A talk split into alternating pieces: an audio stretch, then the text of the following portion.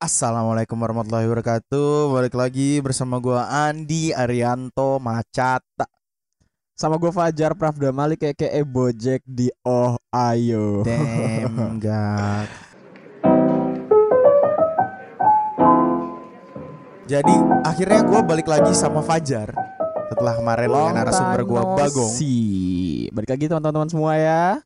Kita kebetulan udah mengubah nama podcast kita Yang dari ABD Gaul Hmm. Anak baru dewasa Bagi yang kangen sama Kalimantan Sekarang ABD Gaul sudah menjadi Asu Mabes aspirasi suara umat. Asupan Oh. Suara masyarakat belakang Ouch. sekolah Karena sekarang kita udah pindah tempat ya studionya Iya betul betul betul betul betul betul. Sekali jadi sekarang kita mengusahakan untuk ya gitulah banyak-banyak ngobrol sama teman-teman semua di sini.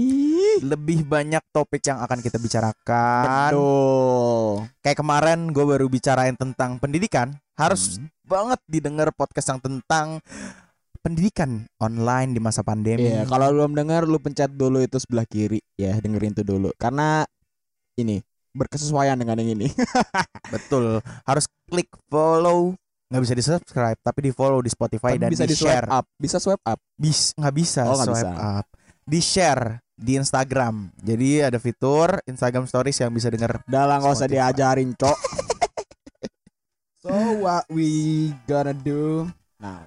kita ngomong yang ringan-ringan aja dulu Jar Oke. hari ini tuh apa sih yang lu alamin Aduh, digituin dong gua. Eh, gua hari ini apa ya? Hari ini ya easy going aja sih kayak biasanya, cuman masalah mental doang. Kalau lu? nah ketika gue ingin perjalanan ke sini hari ini gue nemuin sesuatu yang eh gue selalu nonton itu di TikTok di Instagram di video-video tentang sekelompok anak muda anak di bawah umur ya Oh, di bawah umur berapa boleh, kita nggak tahu boleh, tapi boleh. anak eh, anak kecil lah ya Hmm. yaitu tren menghentikan truk Waduh, itu dulu zaman-zaman gua SMP. Gue SMP dulu kayak gitu. tapi berani untuk Bukan berhadapan gua, bukan gua yang bukan. ngerti. teman lu berani Temen gue berhentiin, gua naik mau nggak mau karena malu cok kalau nggak naik cok. udah kan? diberhentiin kan iya. masa eh, naiknya juga susah Tinggal naik gua, tapi naiknya susah nggak naiknya terbang. wadaw Yang penting naik. yang penting Yang naik osbak atau truk Eh, pernah truk. Oh, truk pernah. Pernah ada cerita gini. Eh enggak, sorry, sorry. Lost bug pertama pernah. Temen gue berhentiin namanya Raffi. Dan ini ini cerita kisah nyata ya. kisah nyata ya Dulu waktu gue SMP Raffi ini ada sekitar gap 2 tahun di bawah gue lah ya. Dan dia SMP nih SMP dan Buat- dia harus harus berhentiin truk karena dicoba. tuntutan oh Coba. dia dicoba Dicoba sama sama temen gue oh pentolan namanya ujian namanya Riani, tes ya panggilannya Heeh. Skin. ini tes ya jadi Ya, nih gue ceritain sedikit ya. Waktu itu pengen sholat Jumat kondisinya.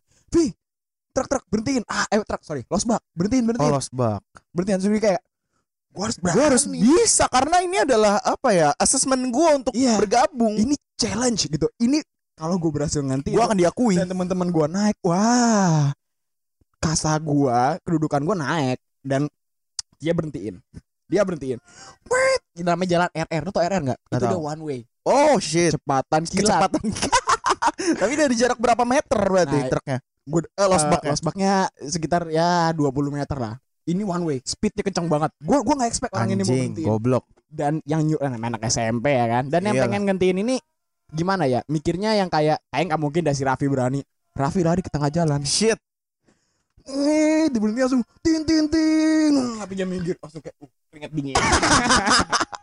Nggak berhenti. Iya. Tapi dapet lah sesuatu ya kan? Kayak wih dianggap dia sedikit kan berani juga berani orangnya. juga karena dia udah mencoba itu betul berani juga dan batasnya adalah klakson supir ya ya kencang banget mobilnya nggak berhenti batasannya hanya klakson supir ya Iya betul betul betul. Dan pernah ketika ada naik juga, sempat naik kita semua naik ya kan ke Mhm. atas turun, suruh turun. Weh turun turun turun turun, udah habis turun turun. Turun lompat. Ini eh, kondisinya hari Jumat pengen sholat Jumat. iya iya iya Jadi langsung lompat lompat lompat terus ada satu orang lompat. Si Raffi nih kebetulan Iya, iya. lompat, sarungnya nyangkut di shit sarungnya Di- yang di mana di losbak. Oh, loh. belakang losbak kan ada ada canggilan gitu tuh. Eh, kecengklak ya berarti iya Oh, Langsung nyangkut. shopping. Weh, bang, bang, berhenti bang, berhenti bang, berhenti bang. Sarungnya dibenerin jalan. darurat ya Biasa emergency aduh keringet dingin udah Raffi. biasa lah. Ah, lu ada di situ Gua ada. Dan lu lancar ya, naik Gua turunnya lancar. Ah, ah, kebetulan gue yang nggak pernah berhentiin sih. Gue yang nggak pernah berhentiin, gue yang nggak pernah apa ya, gue cuma jadi pengikut aja lah. Iya iya, tapi Heeh. eh, untungnya nggak jadi beban ya. Nggak jadi beban, semoga. Dan pernah si Riandi ini Mm. gue sebut namanya Riandi ya. Panggilan skin kita panggil skin aja deh. Itu ngentin belang tempur. Belum. Tahu belang tempur gak? Tahu belang tempur Nggak nggak? tahu Dia semacam kayak apa ya? Puso, Fuso tuh Fuso. gede. Oh yang warna hijau ya? warna hijau. Ah shit. Dan ini di jalan, jalannya gede kayak lu tahu deh. Ini di Jakarta jalannya di arah-arah Sudirman kalau nggak salah. Oh, ter gua isi apa jar? Kalau lu boleh tahu? kosong, Oh kosong. Fuso, Ah, ah, ah. Fuso kan. Di stopin. Ah, gua kuat. Salut banget gua. Jadi sopir truknya udah klaksontin dia kayak tabrak gua, Anjir. tabrak gua, Ah, ah, nggak ditabrak. Berhenti Berhenti fusonya ditabrak Fuso berhenti klakson sempat nggak? kenceng banget. Ah shit. Dia nggak dia nggak goyang. Iya itu batasannya ya. Ya, dia itu nggak goyang. batasan baru. Naik semua ke, ke atas langsung gua kayak orang ini jago. Orang ini jagoan. Ya, orang ini ya sudah. Memang nggak salah kita memilih seorang pemimpin. Ah, batasannya berarti eh eh, kalau Raffi itu dari klakson Klakson. itu tingkatan yang berarti masih ada batasan di atasnya yaitu Ah, mental. Waduh. ya kan? Iya, tapi Batasannya pernah mental. mikir sampai mental sih. Kayaknya nggak akan berani orang itu yang pikiran kita singkat kayak nggak bakal berani nabrak Iya, dah. maksud gua kalau Fuso itu lebih dikit ya Hmm. mental kan, tapi dia diem. Dia Iya, bakal berhenti, Oh, iya dia bakal berhenti. tapi mental. Tapi itu mental. batasannya. Iya. yang dicari mental kan si Iya, Raffi. betul. Apa yang dicari? Fuso Iya. berhenti. Ya, Iya. ya begitulah kira-kira. Itu gua ya SMP SMP lah itu. Dan dan kita nggak bisa pungkiri bahkan Hmm. ketika kita SMA kita sering ya eh Iya. BM-BM kayak gitu. BM dulu ya. Kita sering banget. Dulu mana kita? Sempat dulu kita ke mau ke Blok M Blok dan ke Pamulang nyampe juga. Lah, pengen juga yang ke Senayan ingat nggak yang dari Borobudur kita Oh, nyari iya, nyari iya, itu, iya. tapi kita nggak dapet Gak dapat kan? dapat dapat. Akhirnya kita cuma muter-muter. Iya. Iya iya iya. Ke Blok M boy. Ke Blok M sempat naik kita dapat ya. Kita naik se- sekali, habis Heeh. itu ternyata isi bawaannya kaca. Tahu sendiri kan, kacanya nggak berdiri, kacanya Iya, iya, ditidurin, kacanya jadi kita nggak tahu ada kaca, nggak tahu. ya kan? Lompat. Lompat, ternyata ada kaca. Kaca. Supirnya keluar, itu kaca anjing katanya ya? Iya. Kacanya pecah apa enggak ya? Kacanya nggak pecah, tapi kita Keinjek ya? keinjek. Supir yang teriakin kita, kita ngerasa nggak mungkin kita bisa bertahan di sini. Iya. ya kan? Akhirnya kita lari, Kita lari. sekencang-kencangnya. Nyari gang ya? nyari gang dan ternyata itu jalanan tanpa gang. Tanpa gang. Ya, di sekitaran Joglo. Iya, jadi larinya kita garis lurus arah mobil. Iya, Kalau truknya mau Iya. nabrak nabrak kita ya. Akhirnya masuk ke Alfa Midi ya. Heeh. Kita masuk ke Alfa Midi, kondisi udah aman, kita keluar lagi. Dan waktu itu tuh ya tau lah ya. Uang itu penting banget ya kan. Iya, Gua waktu itu kalau nggak salah cuma Bawa bawa 20.000. 20 ribu ya dua kan. puluh ribu Habis itu kita naik metro, pas naik metro gue cek nggak ada duitnya. Ternyata ketinggalan di losbak ya. Gua nggak tahu deh. Wah gila sih itu pengalaman yang Mm-mm. Yang paling sukses Nah, waktu iya. kita ke Pamulang sih. ya oh kita ke SMP SMA Negeri 3 Heeh. Pamulang. Tapi kita bukan tipe yang ini ya, karena udah sedikit dewasa kali ya SMA ya. Heeh. Ya kita nggak berhentinya nggak sama metal itu. Kita nunggu macet, Oh iya iya iya iya. Iya kan? Iya. kita minta dengan baik-baik. Sampai ada titik yang mau belok. Oh ya, ternyata lurus. Gue kayak dibik dibego-begoin gitu sama orang gitu. Ya iya siapa juga yang mau ngizinin mobil dari naikin kan dari situ kita belajar langsung naik aja Harus langsung naik. iya langsung naik aja waktu itu kita ke SMP SMA Negeri 3 Pamulang nyampe sumpah dua atau tiga kali nge BM lah nyampe depan depannya persis. Depannya persis, tapi SMA sebelumnya Negeri melewati 3 jalan kehampaan. jalan kampa sekitar 2 kilo ya Jar ya? Jalanan. Sebenarnya kita bisa aja dapat losbak ya iya, iya. tapi emang gak ada yang lewat. Ada yang lewat cuman dia pengen belok bilangnya oh. Gue pengen belok gue pengen belok. Nyata nggak lurus. Ah, ah. dan kita baru ketemu lagi losbak di lampu merah. Lampu merah dan Lampu itu merah langsung nyampe ke, Bintaro. langsung nyampe dan ke depan langsung SMA nyampe ke Negeri. Depan SMA Negeri 3 tiga SMA 3 Tangerang. Selatan. Oh Tangerang Selatan ya? Iya Oh, iya, SMA iya. Negeri 3 Tangerang Selatan. Dan ketika kita naik ternyata emang kayaknya eh, bukan budaya SMA doang ya? Ya. Eh, ada tukang balon. Ya nah tukang balon. Tukang balon lagi. berhenti naik losbak emang eh, jadi mode transportasi sebenarnya ya. Kita nggak bisa pungkiri losbak itu eh, mode transportasi bagi orang yang nggak punya ongkos ya. Tapi di, dilumrahkan oleh si eh, supir losbak ini kalau sudah cukup berumur kayak Iya. si tukang balon tukang balon seakan-akan kayak yang ya udahlah mas naik ya iya aja naik jalan." iya Tapi sekalian kalau kita kita masih SMP ya pasti nggak dikasih nggak dikasih karena hanya ingin mencari fun nah betul betul betul, betul. itu perbedaannya Nah, balik lagi kejadian lu tadi pagi nih. Ya kan? Tadi kan sempat gue potong tuh sedikit Iya betul betul. gua. Kenapa nih tadi pagi? Nah eh, sekarang ini selama ini gue lihat di TikTok jar eh banyak lagi marak anak kecil berhentiin fuso sampai mental-mentalan. Jangan kita nggak usah bungkir. Tahu dalam arti apa nih? Kena Kena ya kan? Oh, iya. Karena eh, zaman sekarang batasannya bukan klakson, bukan ya. minimal kepental Heeh. dia berhenti baru naik. Wow, amazing. Ada yang kepental trauma nggak naik, nggak naik nggak pulang. naik pulang. Yang tadi tuh agak berbahaya ya ternyata eh, kalau gue lihat kan gue selalu ngeliat dari sisi samping ya videonya ya. Iya, iya.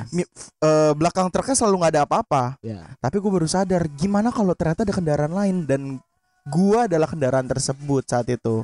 Truknya berhenti, gua hampir nyium buntutnya si truk kuning, Heeh. Colt, ya kan? Pas gua ngindar, set, gua kira kenapa nih berhenti? Gua ngindar, ternyata ada anak kecil. ada sekitar empat orang yang berhentiin. Anak SD ya? Anak SD kayaknya, karena SD. bener-bener pendek. Eh, gue tahu anak SMP kayak Pakai mana. masker nggak? Nggak pakai, biasa pakai peci. Nah, ya kan? Gua nggak tahu dia mau berangkat ke mana, tapi itu membahayakan.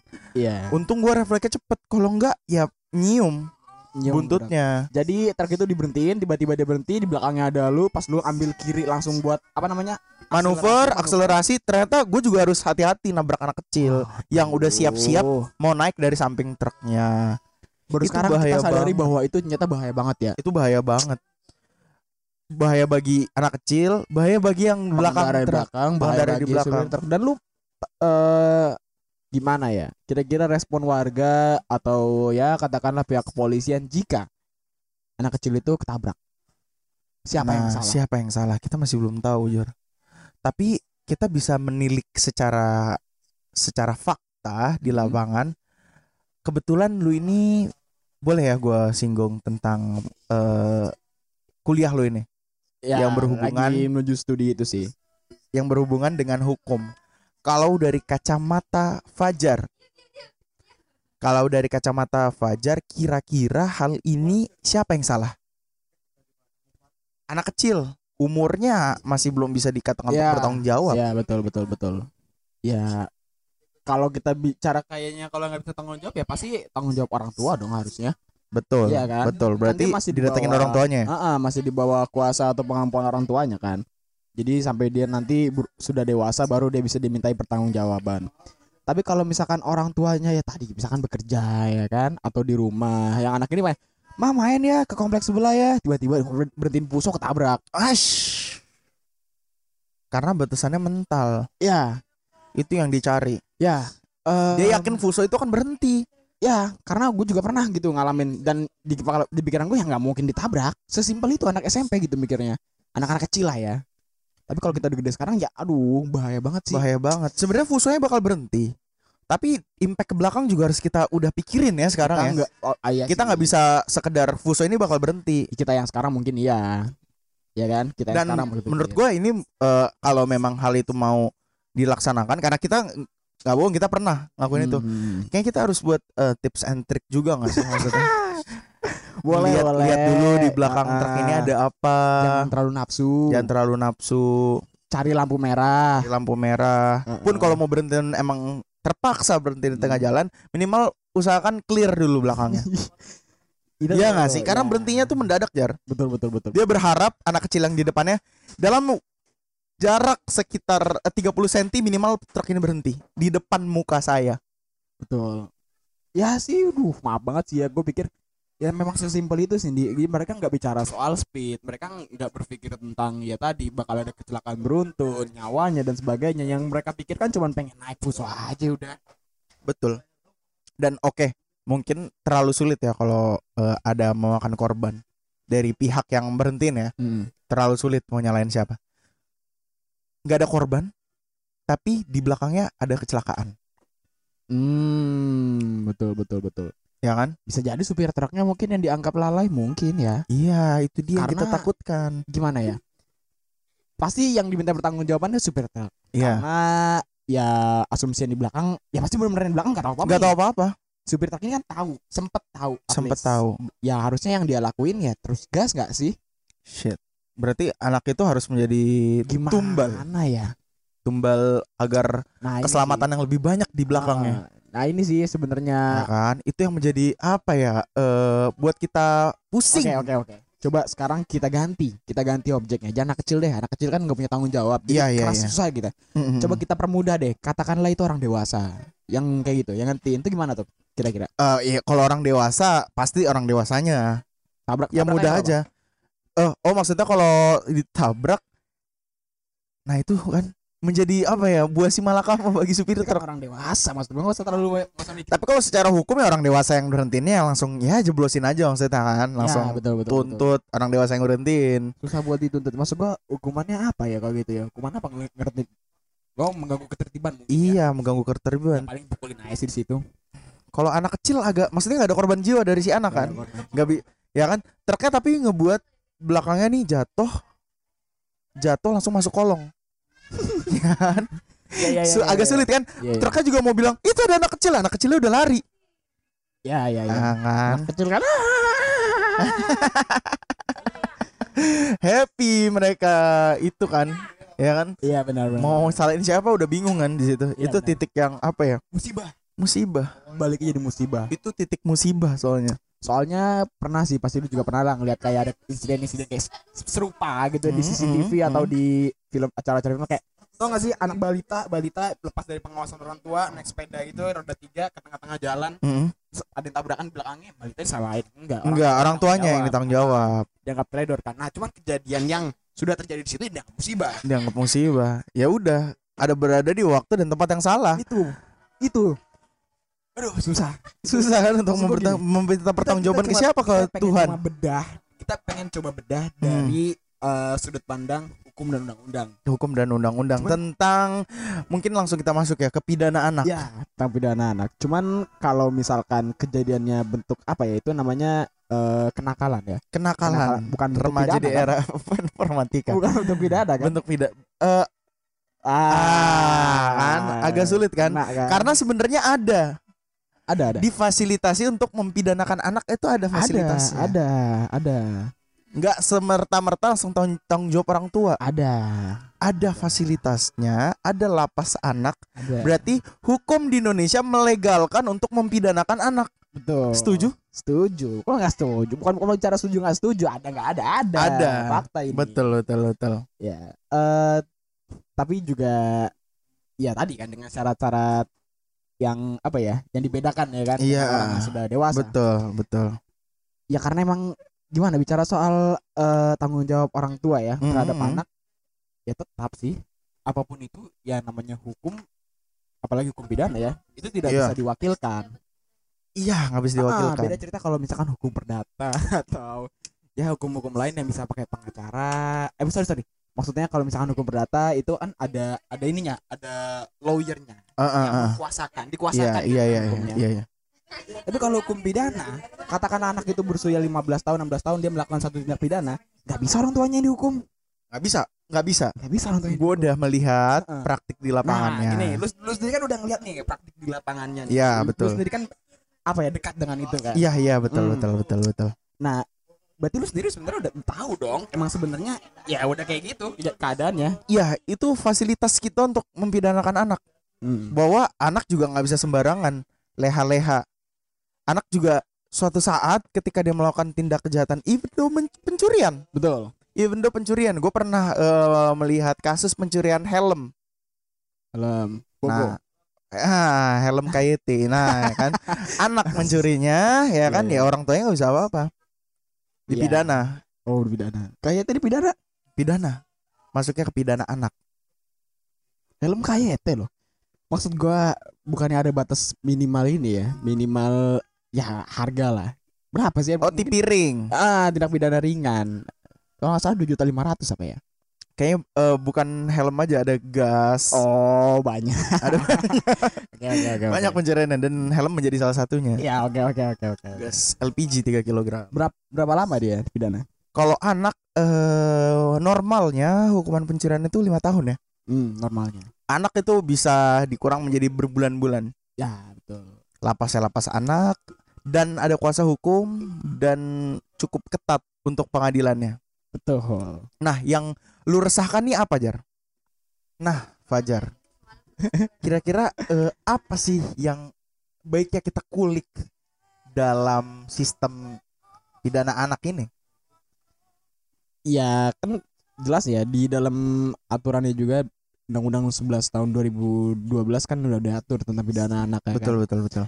Yang memang jadi pembeda ya tadi banyak hal-hal yang membedakan kayak misalkan ada salah satu sistem peradilannya yang, yang poinnya itu non diskriminasi Betul. karena anak kan rawan banget soal itu kan Ah, ah, ah, ah. katakanlah dia dihukum selama lima tahun Mm-mm. Dan ada ininya juga kok. Kita dari eh, Menkumham Hmm.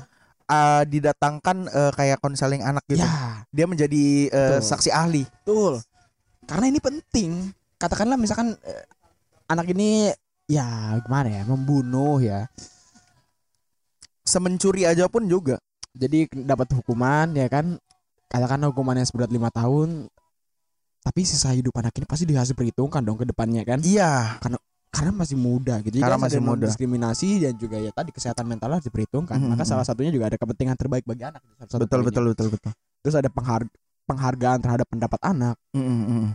Kelangsungan hidup tumbuh kembang anak pembinaan dan bimbingan anak proporsional dan jadi dari poin-poin di sini tuh yang dalam undang-undang ini tuh yang intinya Mm-mm. itu bahwa ya kelangsungan hidup anak ini ke depannya itu yang jauh Lebih diutamakan. diutamakan dibanding eh, tujuan hukumannya Tujuan hukumannya betul betul betul betul betul.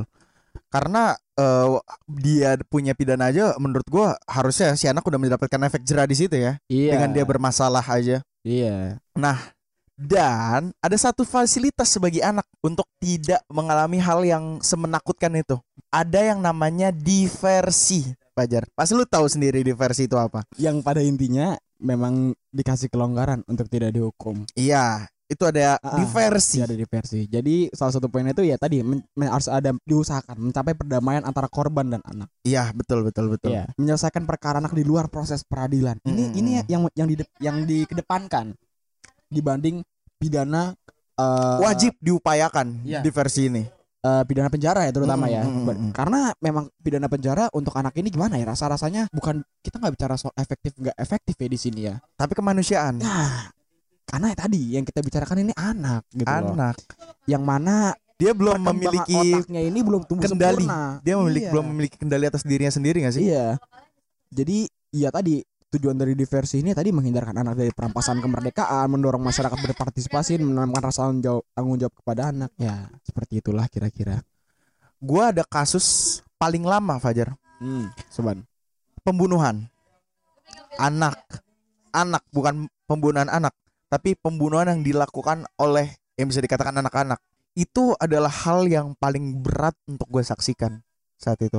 Karena eh, ini juga anak tersebut pun tidak memiliki niat sebenarnya, tapi ada adanya ajakan terhadap proses kegiatan tersebut, kegiatan yang tidak manusiawi yang harus dilakukan oleh seorang anak itu berat banget. Tapi Jar, menurut lo untuk Hmm. kasus pembunuhan seperti ini, tanggapan lu tuh apa?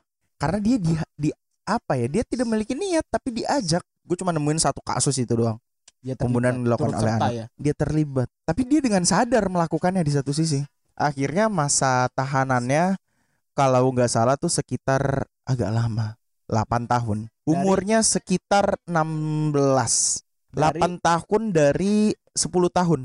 Karena kita tinggal melihat eh, dari pasal pembunuhan. Jar. Pasal pembunuhan kalau yang dilakukan orang dewasa tuh berapa tahun? Yang lakuin dua ya, dua orang. Jadi si dewasa ini mengajak si anak untuk membunuh dengan motif awal pencurian. Ya kan? Tapi Iya. setelah ditelisik lebih dalam ternyata motifnya adalah karena si dewasa ini merasa yang korban itu suka menggoda pacarnya. Waduh. Itu istilahnya. Pada mau kejadian, rencananya adalah seperti ini. Kamu mau ikut saya nggak? Langsung to the point. Kita mau bunuh orang. Iba- istilahnya seperti itu, Jar. Ya kan? Jadi si dewasa ini ngajak si korban mau nonton dangdut. Tapi dialihkan ke tempat lain. Setelah dialihkan ke tempat lain yang cukup sepi, si anak keluar dengan parangnya, langsung ngebaprak. Ah, dengan parang. Tar yang dulu, jelas tar di dulu. baprak dengan parang bukan baprak ya. Kalau ba- baru bisa dikatakan baprak kalau parangnya kebalik, ya kan? Tapi parangnya adalah sisi tajamnya. Jadi Di baprak lehernya. Di apa sebutannya? Di di libas. Di libas tuk tuk tuk. Nah yang pertama kali melakukan anak ya kan? Setelah itu setelah si orang ini kaget ya kan dia terseok-seok baru si dewasa yang mengeksekusi habis. Dia kenapa mau gitu? Si, si anak ini dia ajak kamu mau ikut saya nggak ngebunuh? Yo ya yang saya dia, saya si mau. anak bilang saya berani ngebunuh. Oh pengakuan. pengakuan. Aduh, aduh. berapa tahun sih jar tapi kalau dewasa itu Ya based on KUHP sih 338 pembunuhan ya 10 tahunan sih kalau berencana itu kalau dia itu termasuk berencana. itu ya. termasuk berencana 340 sekitar 20 tahun maksimal. 20 tahun maksimal ya Hmm. oh berarti bener ya si anak mendapatkan sekitar 8 tahun Kalau hukuman bagi anak tuh sepertiganya. oh 20 tahun sepertiga dari 20 tahun berarti berapa Ya kurang lebih segitu lah. kurang lebih sih ini enggak tok ya karena di kan kita bicara soal teori tapi kan tataran prakteknya kan nggak selalu kayak gitu kan. betul betul betul Jadi 8 tahun ini tuh nggak selalu ya sepertiganya. Pokoknya ya kita bicara tataran teorinya sih seperti itu.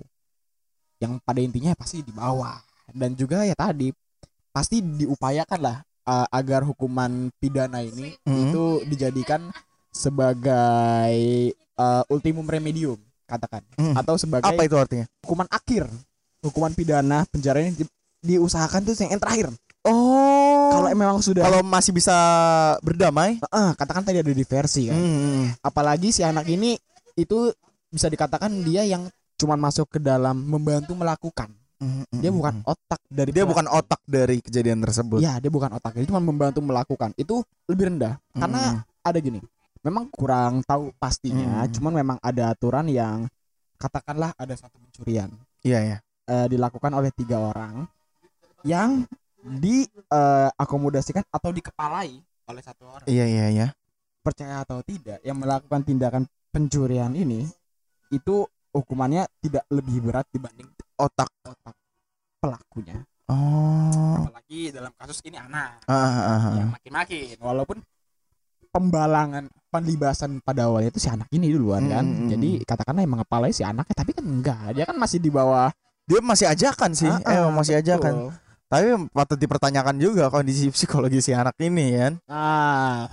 Jadi gimana nih? Kan udah mulai enak nih kita bicara kayak gini. Kita tinggal bicara hukuman apa sih yang tepat buat hukuman-hukuman yang cocok dan tepat tentu kita nggak bisa membicarakan dengan teknik teori Nggak 10 bisa. tahun kita. Aduh bisa aja sih gue pikir. Karena kita punya gimana ya? Ini karena kita bicara soal hukum positif di Indonesia bicara tentang hukum pidana ya memang sudah oke lah ya iya iya iya. ya bismillah tapi kita mencoba BUMN. untuk mengkonsepkan sesuatu ya ya karena kita coba cari solusi lain kalau tujuan efek jerah iya ini mohon maaf ini di luar dari ilmu pengetahuan Iya ini betul. Ini benar-benar adalah konsep kita Konsep menurut kita kita, yang terbaik untuk hukum di Indonesia selanjutnya. betul betul Walaupun akan memakan memakan cost yang lumayan banyak ya. Iya, tapi sekali lagi sekali lagi disclaimer ini nggak ada ilmu pengetahuan di sini ini cuman ya udah have fun aja lah ya. Have fun aja. Ini jadi kita punya konsep gimana nih coba lu jelasin. kita mempunyai konsep bahwa seseorang akan merasakan efek jerah selama 10 tahun. Itu adalah jangka waktu efek jerah yang optimal betul betul betul untuk betul, betul. membuat seseorang jerah. Iya. Tapi jerahnya bukan di dalam kurungan ya. bukan. Ada kegiatan selama 10 tahun itu. Coba coba dijelasin. Kata- kita kita pernah punya konsep.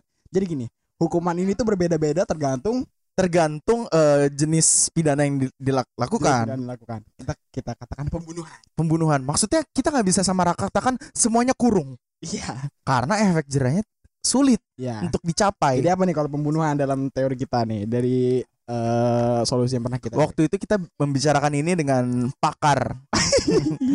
pakar eh, kita mohon maaf kita tidak mendapat mendatangkan pakar hukum, Ya, aduh. tapi yang kita datangkan saat itu kita berbincang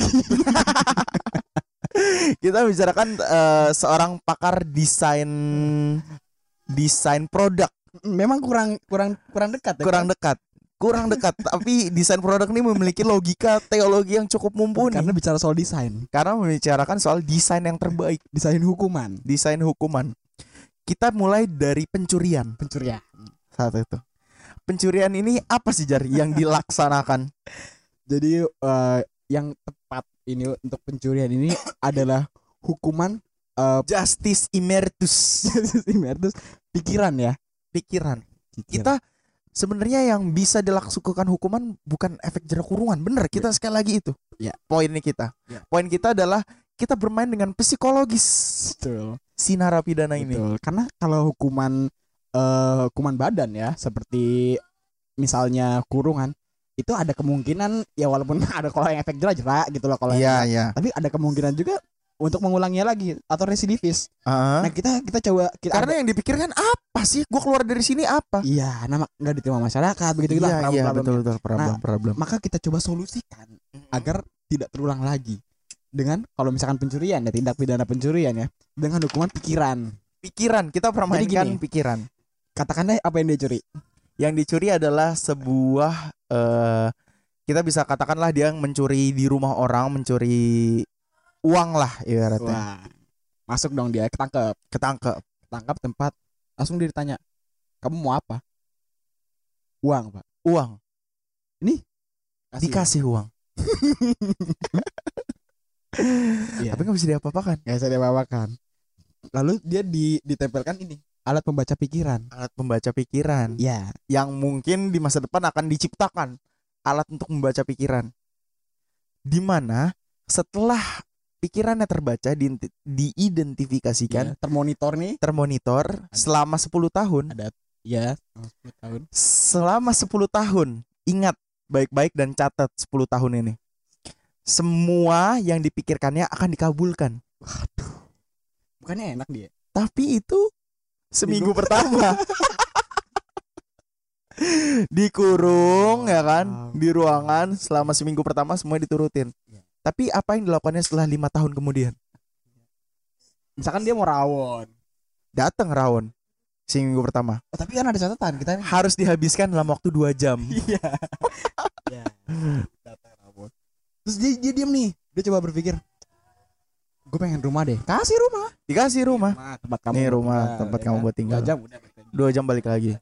Sampai pada akhirnya titik dari hukuman ini berlaku udah mulai efektif itu ketika sudah masuk kitab 6 sampai 7 tahun. 6 sampai 7 tahun. Karena prosesnya adalah seperti ini. Bahkan ketika tidur dimonitor Aduh. jadi ketika tidur dia coba memikirkan sesuatu dikabulkan kita langsung bangunin dia. Nah bangun bangun. Nih. ini.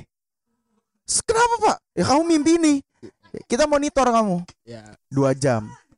Jadi dia apa ya? Membuat 10 tahun itu untuk eh, mulai mem- memikirkan baik-baik apa yang harus dipikirkannya Itu indah banget. Itu pernah mikir gak sih kayak gitu? Jadi kayak yang ah gua tak Nah ini, ini efek jerah yang timbul jika pada akhirnya ini kan seminggu pertama dia senang. iya seminggu Oh, gue pertama mikirin senang. ini enak, gue mikirin enak, tapi lama-lama sebulan pertama eh, dua bulan masuk tiga tahun, lima tahun, nah lima tahun, tujuh tahun, mereka dia berubah mindless soul. Dia mindless soul otaknya sudah tidak berpikir. otaknya sudah tidak berpikir karena takut sampai permintaannya sudah tidak ada. Jadi kayak tidak ada diam. Ini gue lagi diam ya, tapi kayak dan diam.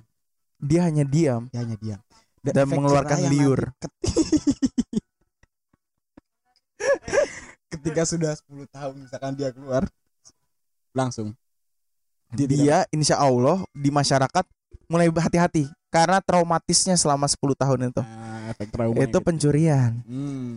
lalu ada pembunuhan pembunuhan jangka waktunya kembali lagi 10 tahun Betul. ditaruh di dalam hutan ya Fajar Satu hektar ya. satu hektar Karena kita mohon maaf nih, kan hutan kita terbatas. Ya, betul. kan? Pelaku pembunuhan kan banyak. Tapi tapi kita usahakan setelah menjalani hukuman ini selesai. Enggak akan Betul, ada betul. residivis. Enggak akan ada orang taruh di hutan. di hutan Cuma modal celana. cuma modal celana harus dia bisa bertahan hidup Mm. Nah nuruninnya juga bagus, diturunin, ditaruh, ditutup matanya. diputer 10 kali sampai dia pusing terus baru kita lepas Nanti yang lepasnya juga langsung larinya buru-buru biar nggak intinya seperti itu Iya, jadi pas dibuka mata kayak "Ah." dia kaget. itu selama tujuh tahun Nah ini kebalikannya. Ketika misalkan ada permi- semua permintaan yang tadi pencurian itu terkabul, dia senang seminggu pertama. Ini dia sulit sebulan pertama. sulit sebulan pertama Ah, nah kebalikannya iya sebulan pertama dia akan kesulitan justru Iya, dia di tidak jungle. sanggup Iya, tapi apa yang terjadi lima tahun ah, dia mulai menikmati. dia mulai menikmati dia mulai berteman dengan monyet-monyet di sana Iya, dia mulai menjadi pemimpin para hewan di tahun 7 ke 8 kita apa ya? kita usahakan dia mulai bisa menaiki singa. Ya, Dan dia mulai ada ada macan ya. mulai menjadi the jungle di jungle of the hill. sampai dia sampai dia kalau dia dia jadi king nih ya dia di atas pohon terus dia kayak gue pengen lagu ini deh tiba-tiba burung mendekati terus nyanyi Iya. dia sudah mulai bisa Dia sudah mulai hewan. berbicara hewan, bertingkah laku seperti Iya, dia hewan. sudah mulai menikmati sebagai raja Betul, dia sudah menikmati sebagai raja dan terbiasa. Oh, seperti inilah hukumannya. Iya. Dia kira hukumannya adalah dengan dia menikmati hidup. akhirnya selesai 10 tahun hukuman di situ 10 tahun selesai di Iya. situ. Tapi Dikeluarkan. Setelah setiap kecakapan dia, kemampuan dia beradaptasi di masyarakat hilang, dia hanya bisa beradaptasi dengan hewan. Mm-mm. Kita langsung taruh dia, kita berdayakan dia Fajar betul betul betul betul di sebuah gedung perkantoran pencakar langit di Jakarta. betul betul betul Kita langsung taruh di sebuah ruangan dengan mata tertutup, ya diputar 10 kali, ya lalu dilepas. Dan orang yang naruh harus lari. biar nggak ketahuan. Harus benar-benar lari biar nggak ketahuan. Seperti Iya. main petak umpet. Iya. lalu dia harus apa Fajar? Dia harus melaksanakan pekerjaan kantoran. Dia harus menciptakan perbankan kantor tersebut dengan Excel. Betul dengan deadline seminggu. Dengan deadline seminggu. Tugas tugasnya sudah menumpuk. Tugasnya sudah menumpuk untuk menilai menghitung semua perbankan untung rugi laba bersih. Dia harus bisa melaksanakan itu dalam waktu seminggu dengan Excel. Oh my god setelah 10 tahun dia dia kira dia sudah beradaptasi. Dikira- aku kan tinggal di hutan. di di tidak. luar- ya. Kita akan menaruh Anda di sebuah perkantoran. Urban. Dengan lingkungan perkotaan yang urban. Di mana Anda sudah terbiasa dengan hewan di alam, Anda minum dari mata air, Anda minum di dispenser kali ini.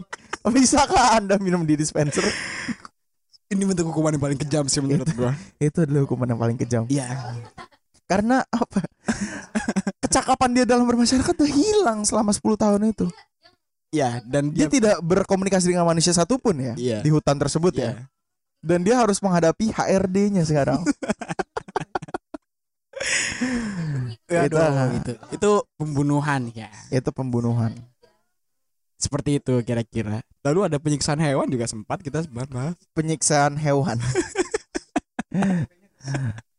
itu adalah apa ya, perbuatan paling nista. Ketika dia ada ber- beberapa kasus yang memberikan makanan isi paku kepada anjing, ya ya kan? ya Kembali, efek kurungan tidak akan betul dapat Enggak. Masa gini deh, karena gini aja nih, kita balik lagi deh. Orang yang membunuh, orang yang melakukan penyiksaan terhadap Iya. hewan, orang yang mencuri, hukumannya sama-sama di penjara. Cuman yang beda range waktunya. range aja. waktunya aja. Beda-beda setiap perlakuannya kan. Makanya harus dijawab. Psikologisnya Harus berbeda-beda. dijawab dengan eh, hukuman yang berbeda-beda. Dengan hukuman yang berbeda dan sesuai Nah, dengan keja kejahatannya. Nah, ini solusi dari kita. Nah, ini kalau misalkan ada eh, penyiksaan terhadap hewan, katakanlah dia tadi ya Iya. melakukan penyiksaan terhadap anjing. Mhm, Ya kan? betul. Dia ditempatkan di satu tempat. Hmm. Oh iya, sorry. Ada juga yang ngasih minuman Amer ke rusa Oh ya, di taman safari. rusa berarti. Rusa. Kena dia rusa ya kan. Ada kudanil. Kudanil. Hmm, Kudaniel. Oh ya Kudaniel waktu itu. eh enggak rusa dulu, rusa rusa. Kudaniel juga ada. Dia, dia masuk ke dalam situ dan ya udah dia senang dong. Dia merasa over. Ruangan hampa. Iya. Di, dikasih 100 anjing. Dia ngerasa dia senang, ya kan? Di barak semuanya ya kan. Iya, dia mem- me- melakukan kejahatannya tersebut. Nggak apa-apa. Nggak apa-apa. Tapi ingat, setiap satu anjing yang mati di tempat itu akan bertambah. Akan dikirimkan logistik anjing lagi. 100 anjing. Sampai desak-desakan. Sampai didesak-desakan. Iya kan? Dia akan apa ya? Ber bermasyarakat dengan anjing-anjing di situ. semakin- tapi dia mungkin setahun seminggu atau ya Nah, karena ini jangka waktunya berapa jar? 10 10 tahun. Seminggu pertama kan senang. iya Bayangkan sebulan kemudian, apakah dia tidak akan mencapai kejenuhan? Wah, dia semakin senang kan, dia semakin menjadi-jadi kejadian kan. Wah, dia bunuh makin datang. Yang apa apa datang, datang terus. Tapi apakah bisa bertahan selama sebulan? Akhirnya pasokan makanan juga seperti itu cara ngasihnya ya kan, dikasih bersamaan dengan anjing. Bersamaan dengan anjing tersebut, dia akan terkejut. alpha- sebagai alpha male, dia kayak awas semuanya, gue punya makan ini. Iya, Setahun pertama iya, setahun pertama Fajar. sampai masuk tahun kelima dia mulai sadar. Dia mulai sadar. ketika dia sudah memiliki hubungan dengan satu anjing di sana, Dia sudah memiliki koneksi dia mulai udah mulai bersikap, berperilaku, seperti mengerti perasaan anjing-anjing tersebut. Dia mulai kenal, oh gini toh. Ternyata Ternyata hidup di hidup tengah anjing iya. kehidupan hidup anjing tuh dan seperti ini. Belum selesai hukumannya. Belum. Ketika dia tidak melakukan tindakan pembunuhan tadi, dikurangi 100 anjing. Dikurangi 100 anjing. Dikurangi anjing. Mungkin dia masih belum merasa apa-apa. Belum merasa Belum apa-apa. Dan dia mulai ketakutan ketika anjing yang tersisa hanya tinggal 50. Ya. Apakah saya harus melakukan pembunuhan lagi agar datang lagi 100? Ya, tapi di satu sisi dia sudah merasa koneksi. Iya, udah punya kekeluargaan. Udah memiliki Anjing, kekeluargaan tadi. menjadi buah si malakama bagi pelaku, betul. ya kan? Menjadi buah si malakama.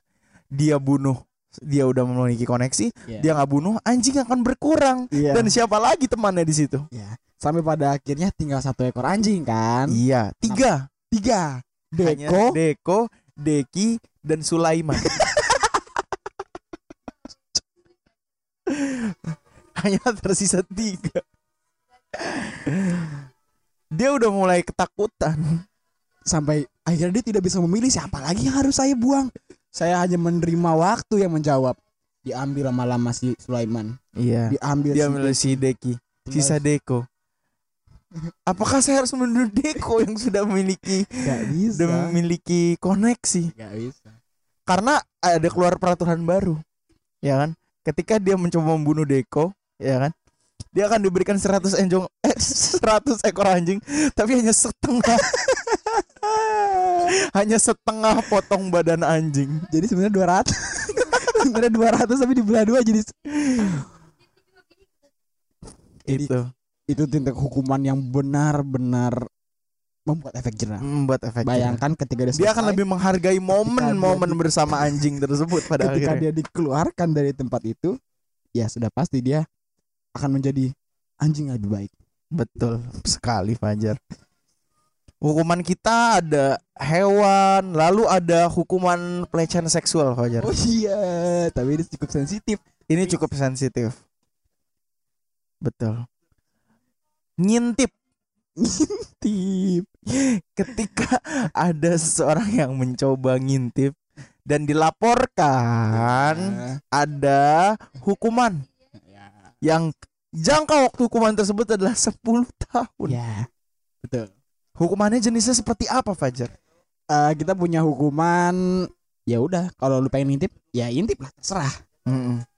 dengan catatan seperti biasa gampang kok catatannya kita kasih dulu terang semuanya Kita kasih terang ruangan tersebut kita berikan lampu lampu lampu yang hanya dilihat hanyalah warna putih. iya lampu terang ya nggak apa-apa kan ya Iya. terserah sisanya ya udah hidup aja seperti biasa Iya. dia hidup satu tempat yang terang aja kebetulan Terang. kan terang ketika dia sudah mulai terbiasa hidup dua Dengan tahun terang. yang hanya bisa melihat gelap ketika ditutup mata Iya. akhirnya dua tahun selanjutnya diberi gelap Diberi gelap tanpa transisi tanpa transisi. Ini. Langsung tiba-tiba blek hitam.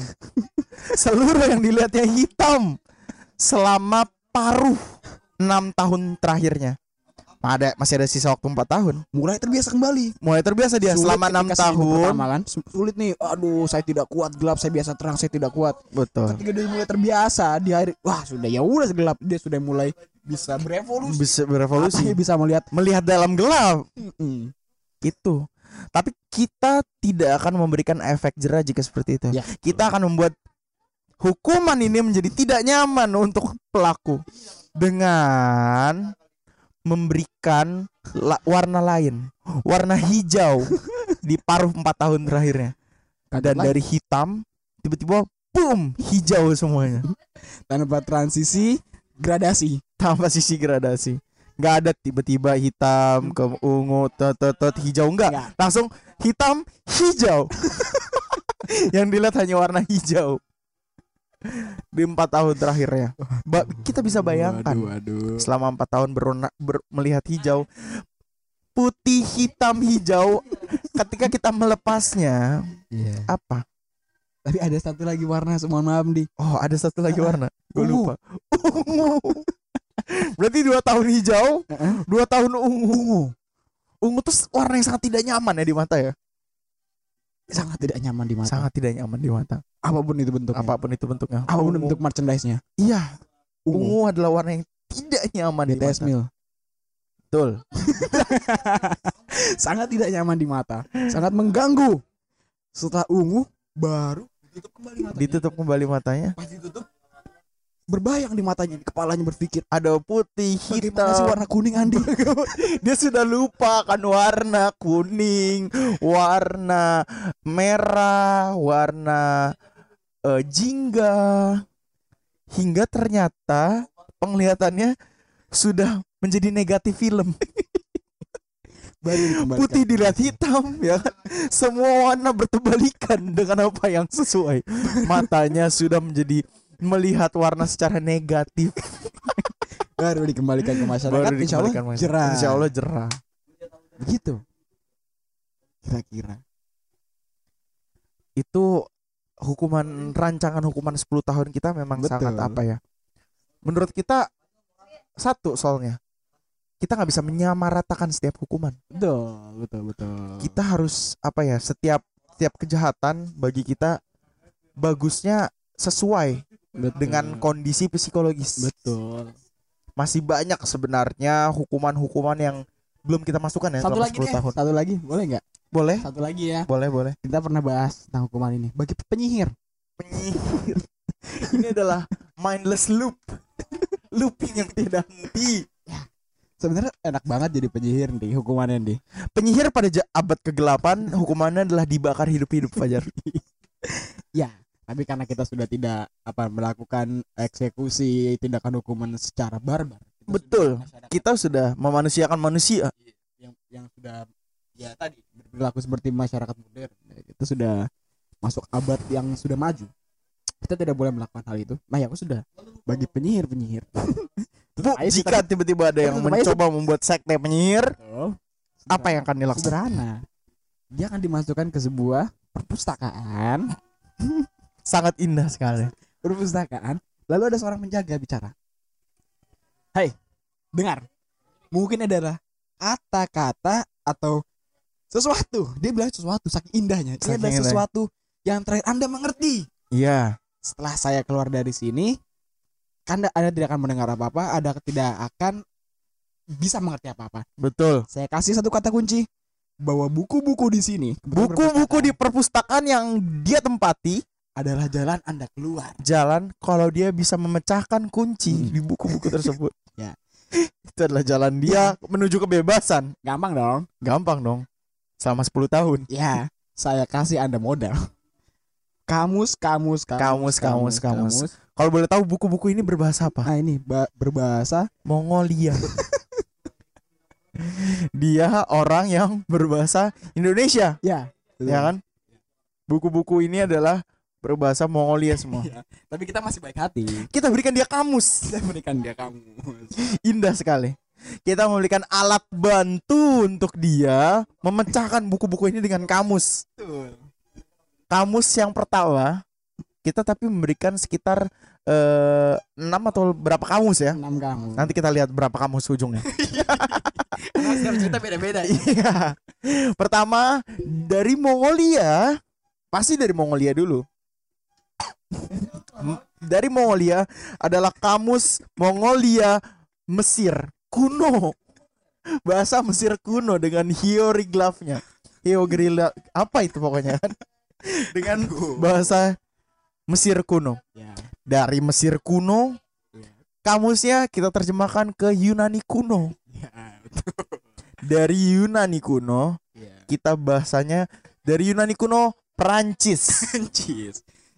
Jadi jadi ada urutannya nih kalau Dari baca. dari, yang terakhir kita baca dulu. dari baca Hmm. Zag- ah, bahasa ini ke bahasa ini bahasa ini. Dari Perancis kita ke bahasa Libanon. Jadi gue ntar. Gue pengen coba bayangin sebentar nih ya. Iya, baca. betul betul. Tahun nah ini gue baca heliograf dulu nih. Iya kan? Dari Mongolia aslinya Kabe. ya kan? Kabe di ke Mesir kuno, Kabe artinya laka. Pegangan terus kuncinya. Ya kan? tahan, tahan. Laka ke Yunani Lashku. Ini mohon maaf dia sebelumnya ya. Jadi dia baru ambil satu buku dan coba men artikan satu kata. satu kata Iya. dari kabe ke laka laku sampai lupa laka ke lasku ya kan Iya. dari eh Yunani Prancis. ke Perancis Perancis ke Libanon Libanon ke Tagalog ya kan dan setelah sampai Tagalog itu adalah endingnya. Itu adalah buku terakhir dari Tagalog ke bahasa Mongolia lagi. Makanya dari itu kita jadi adalah mindless loop looping yang Mindless tidak akan ada loop. hentinya. Jadi ketika dia melihat kabel di ujung di ujung buku dia akan melihat kabel lagi. Dan sangat berbahaya jika ka misalnya ternyata yang dilihat dari Tagalog bukan kabel justru juska. Itu kan lebih berbahaya. Ternyata dia sudah menerjemahkan kalimat kata-kata yang salah selama ini Fajar. Betul.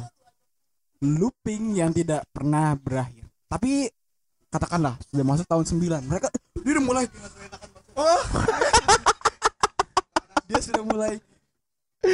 Ah Iya, iya, kamu- mendunia dengan kamus-kamusnya. Dia sudah bisa nah, nah. tapi dia tidak bisa tetap tidak bisa menemukan apa itu bahasa Indonesia. Dari Mongolia ke Indonesia tetap tidak ada. Sampai pada akhirnya ya tadi kita berharap ketika dia keluar dia jadi musafir.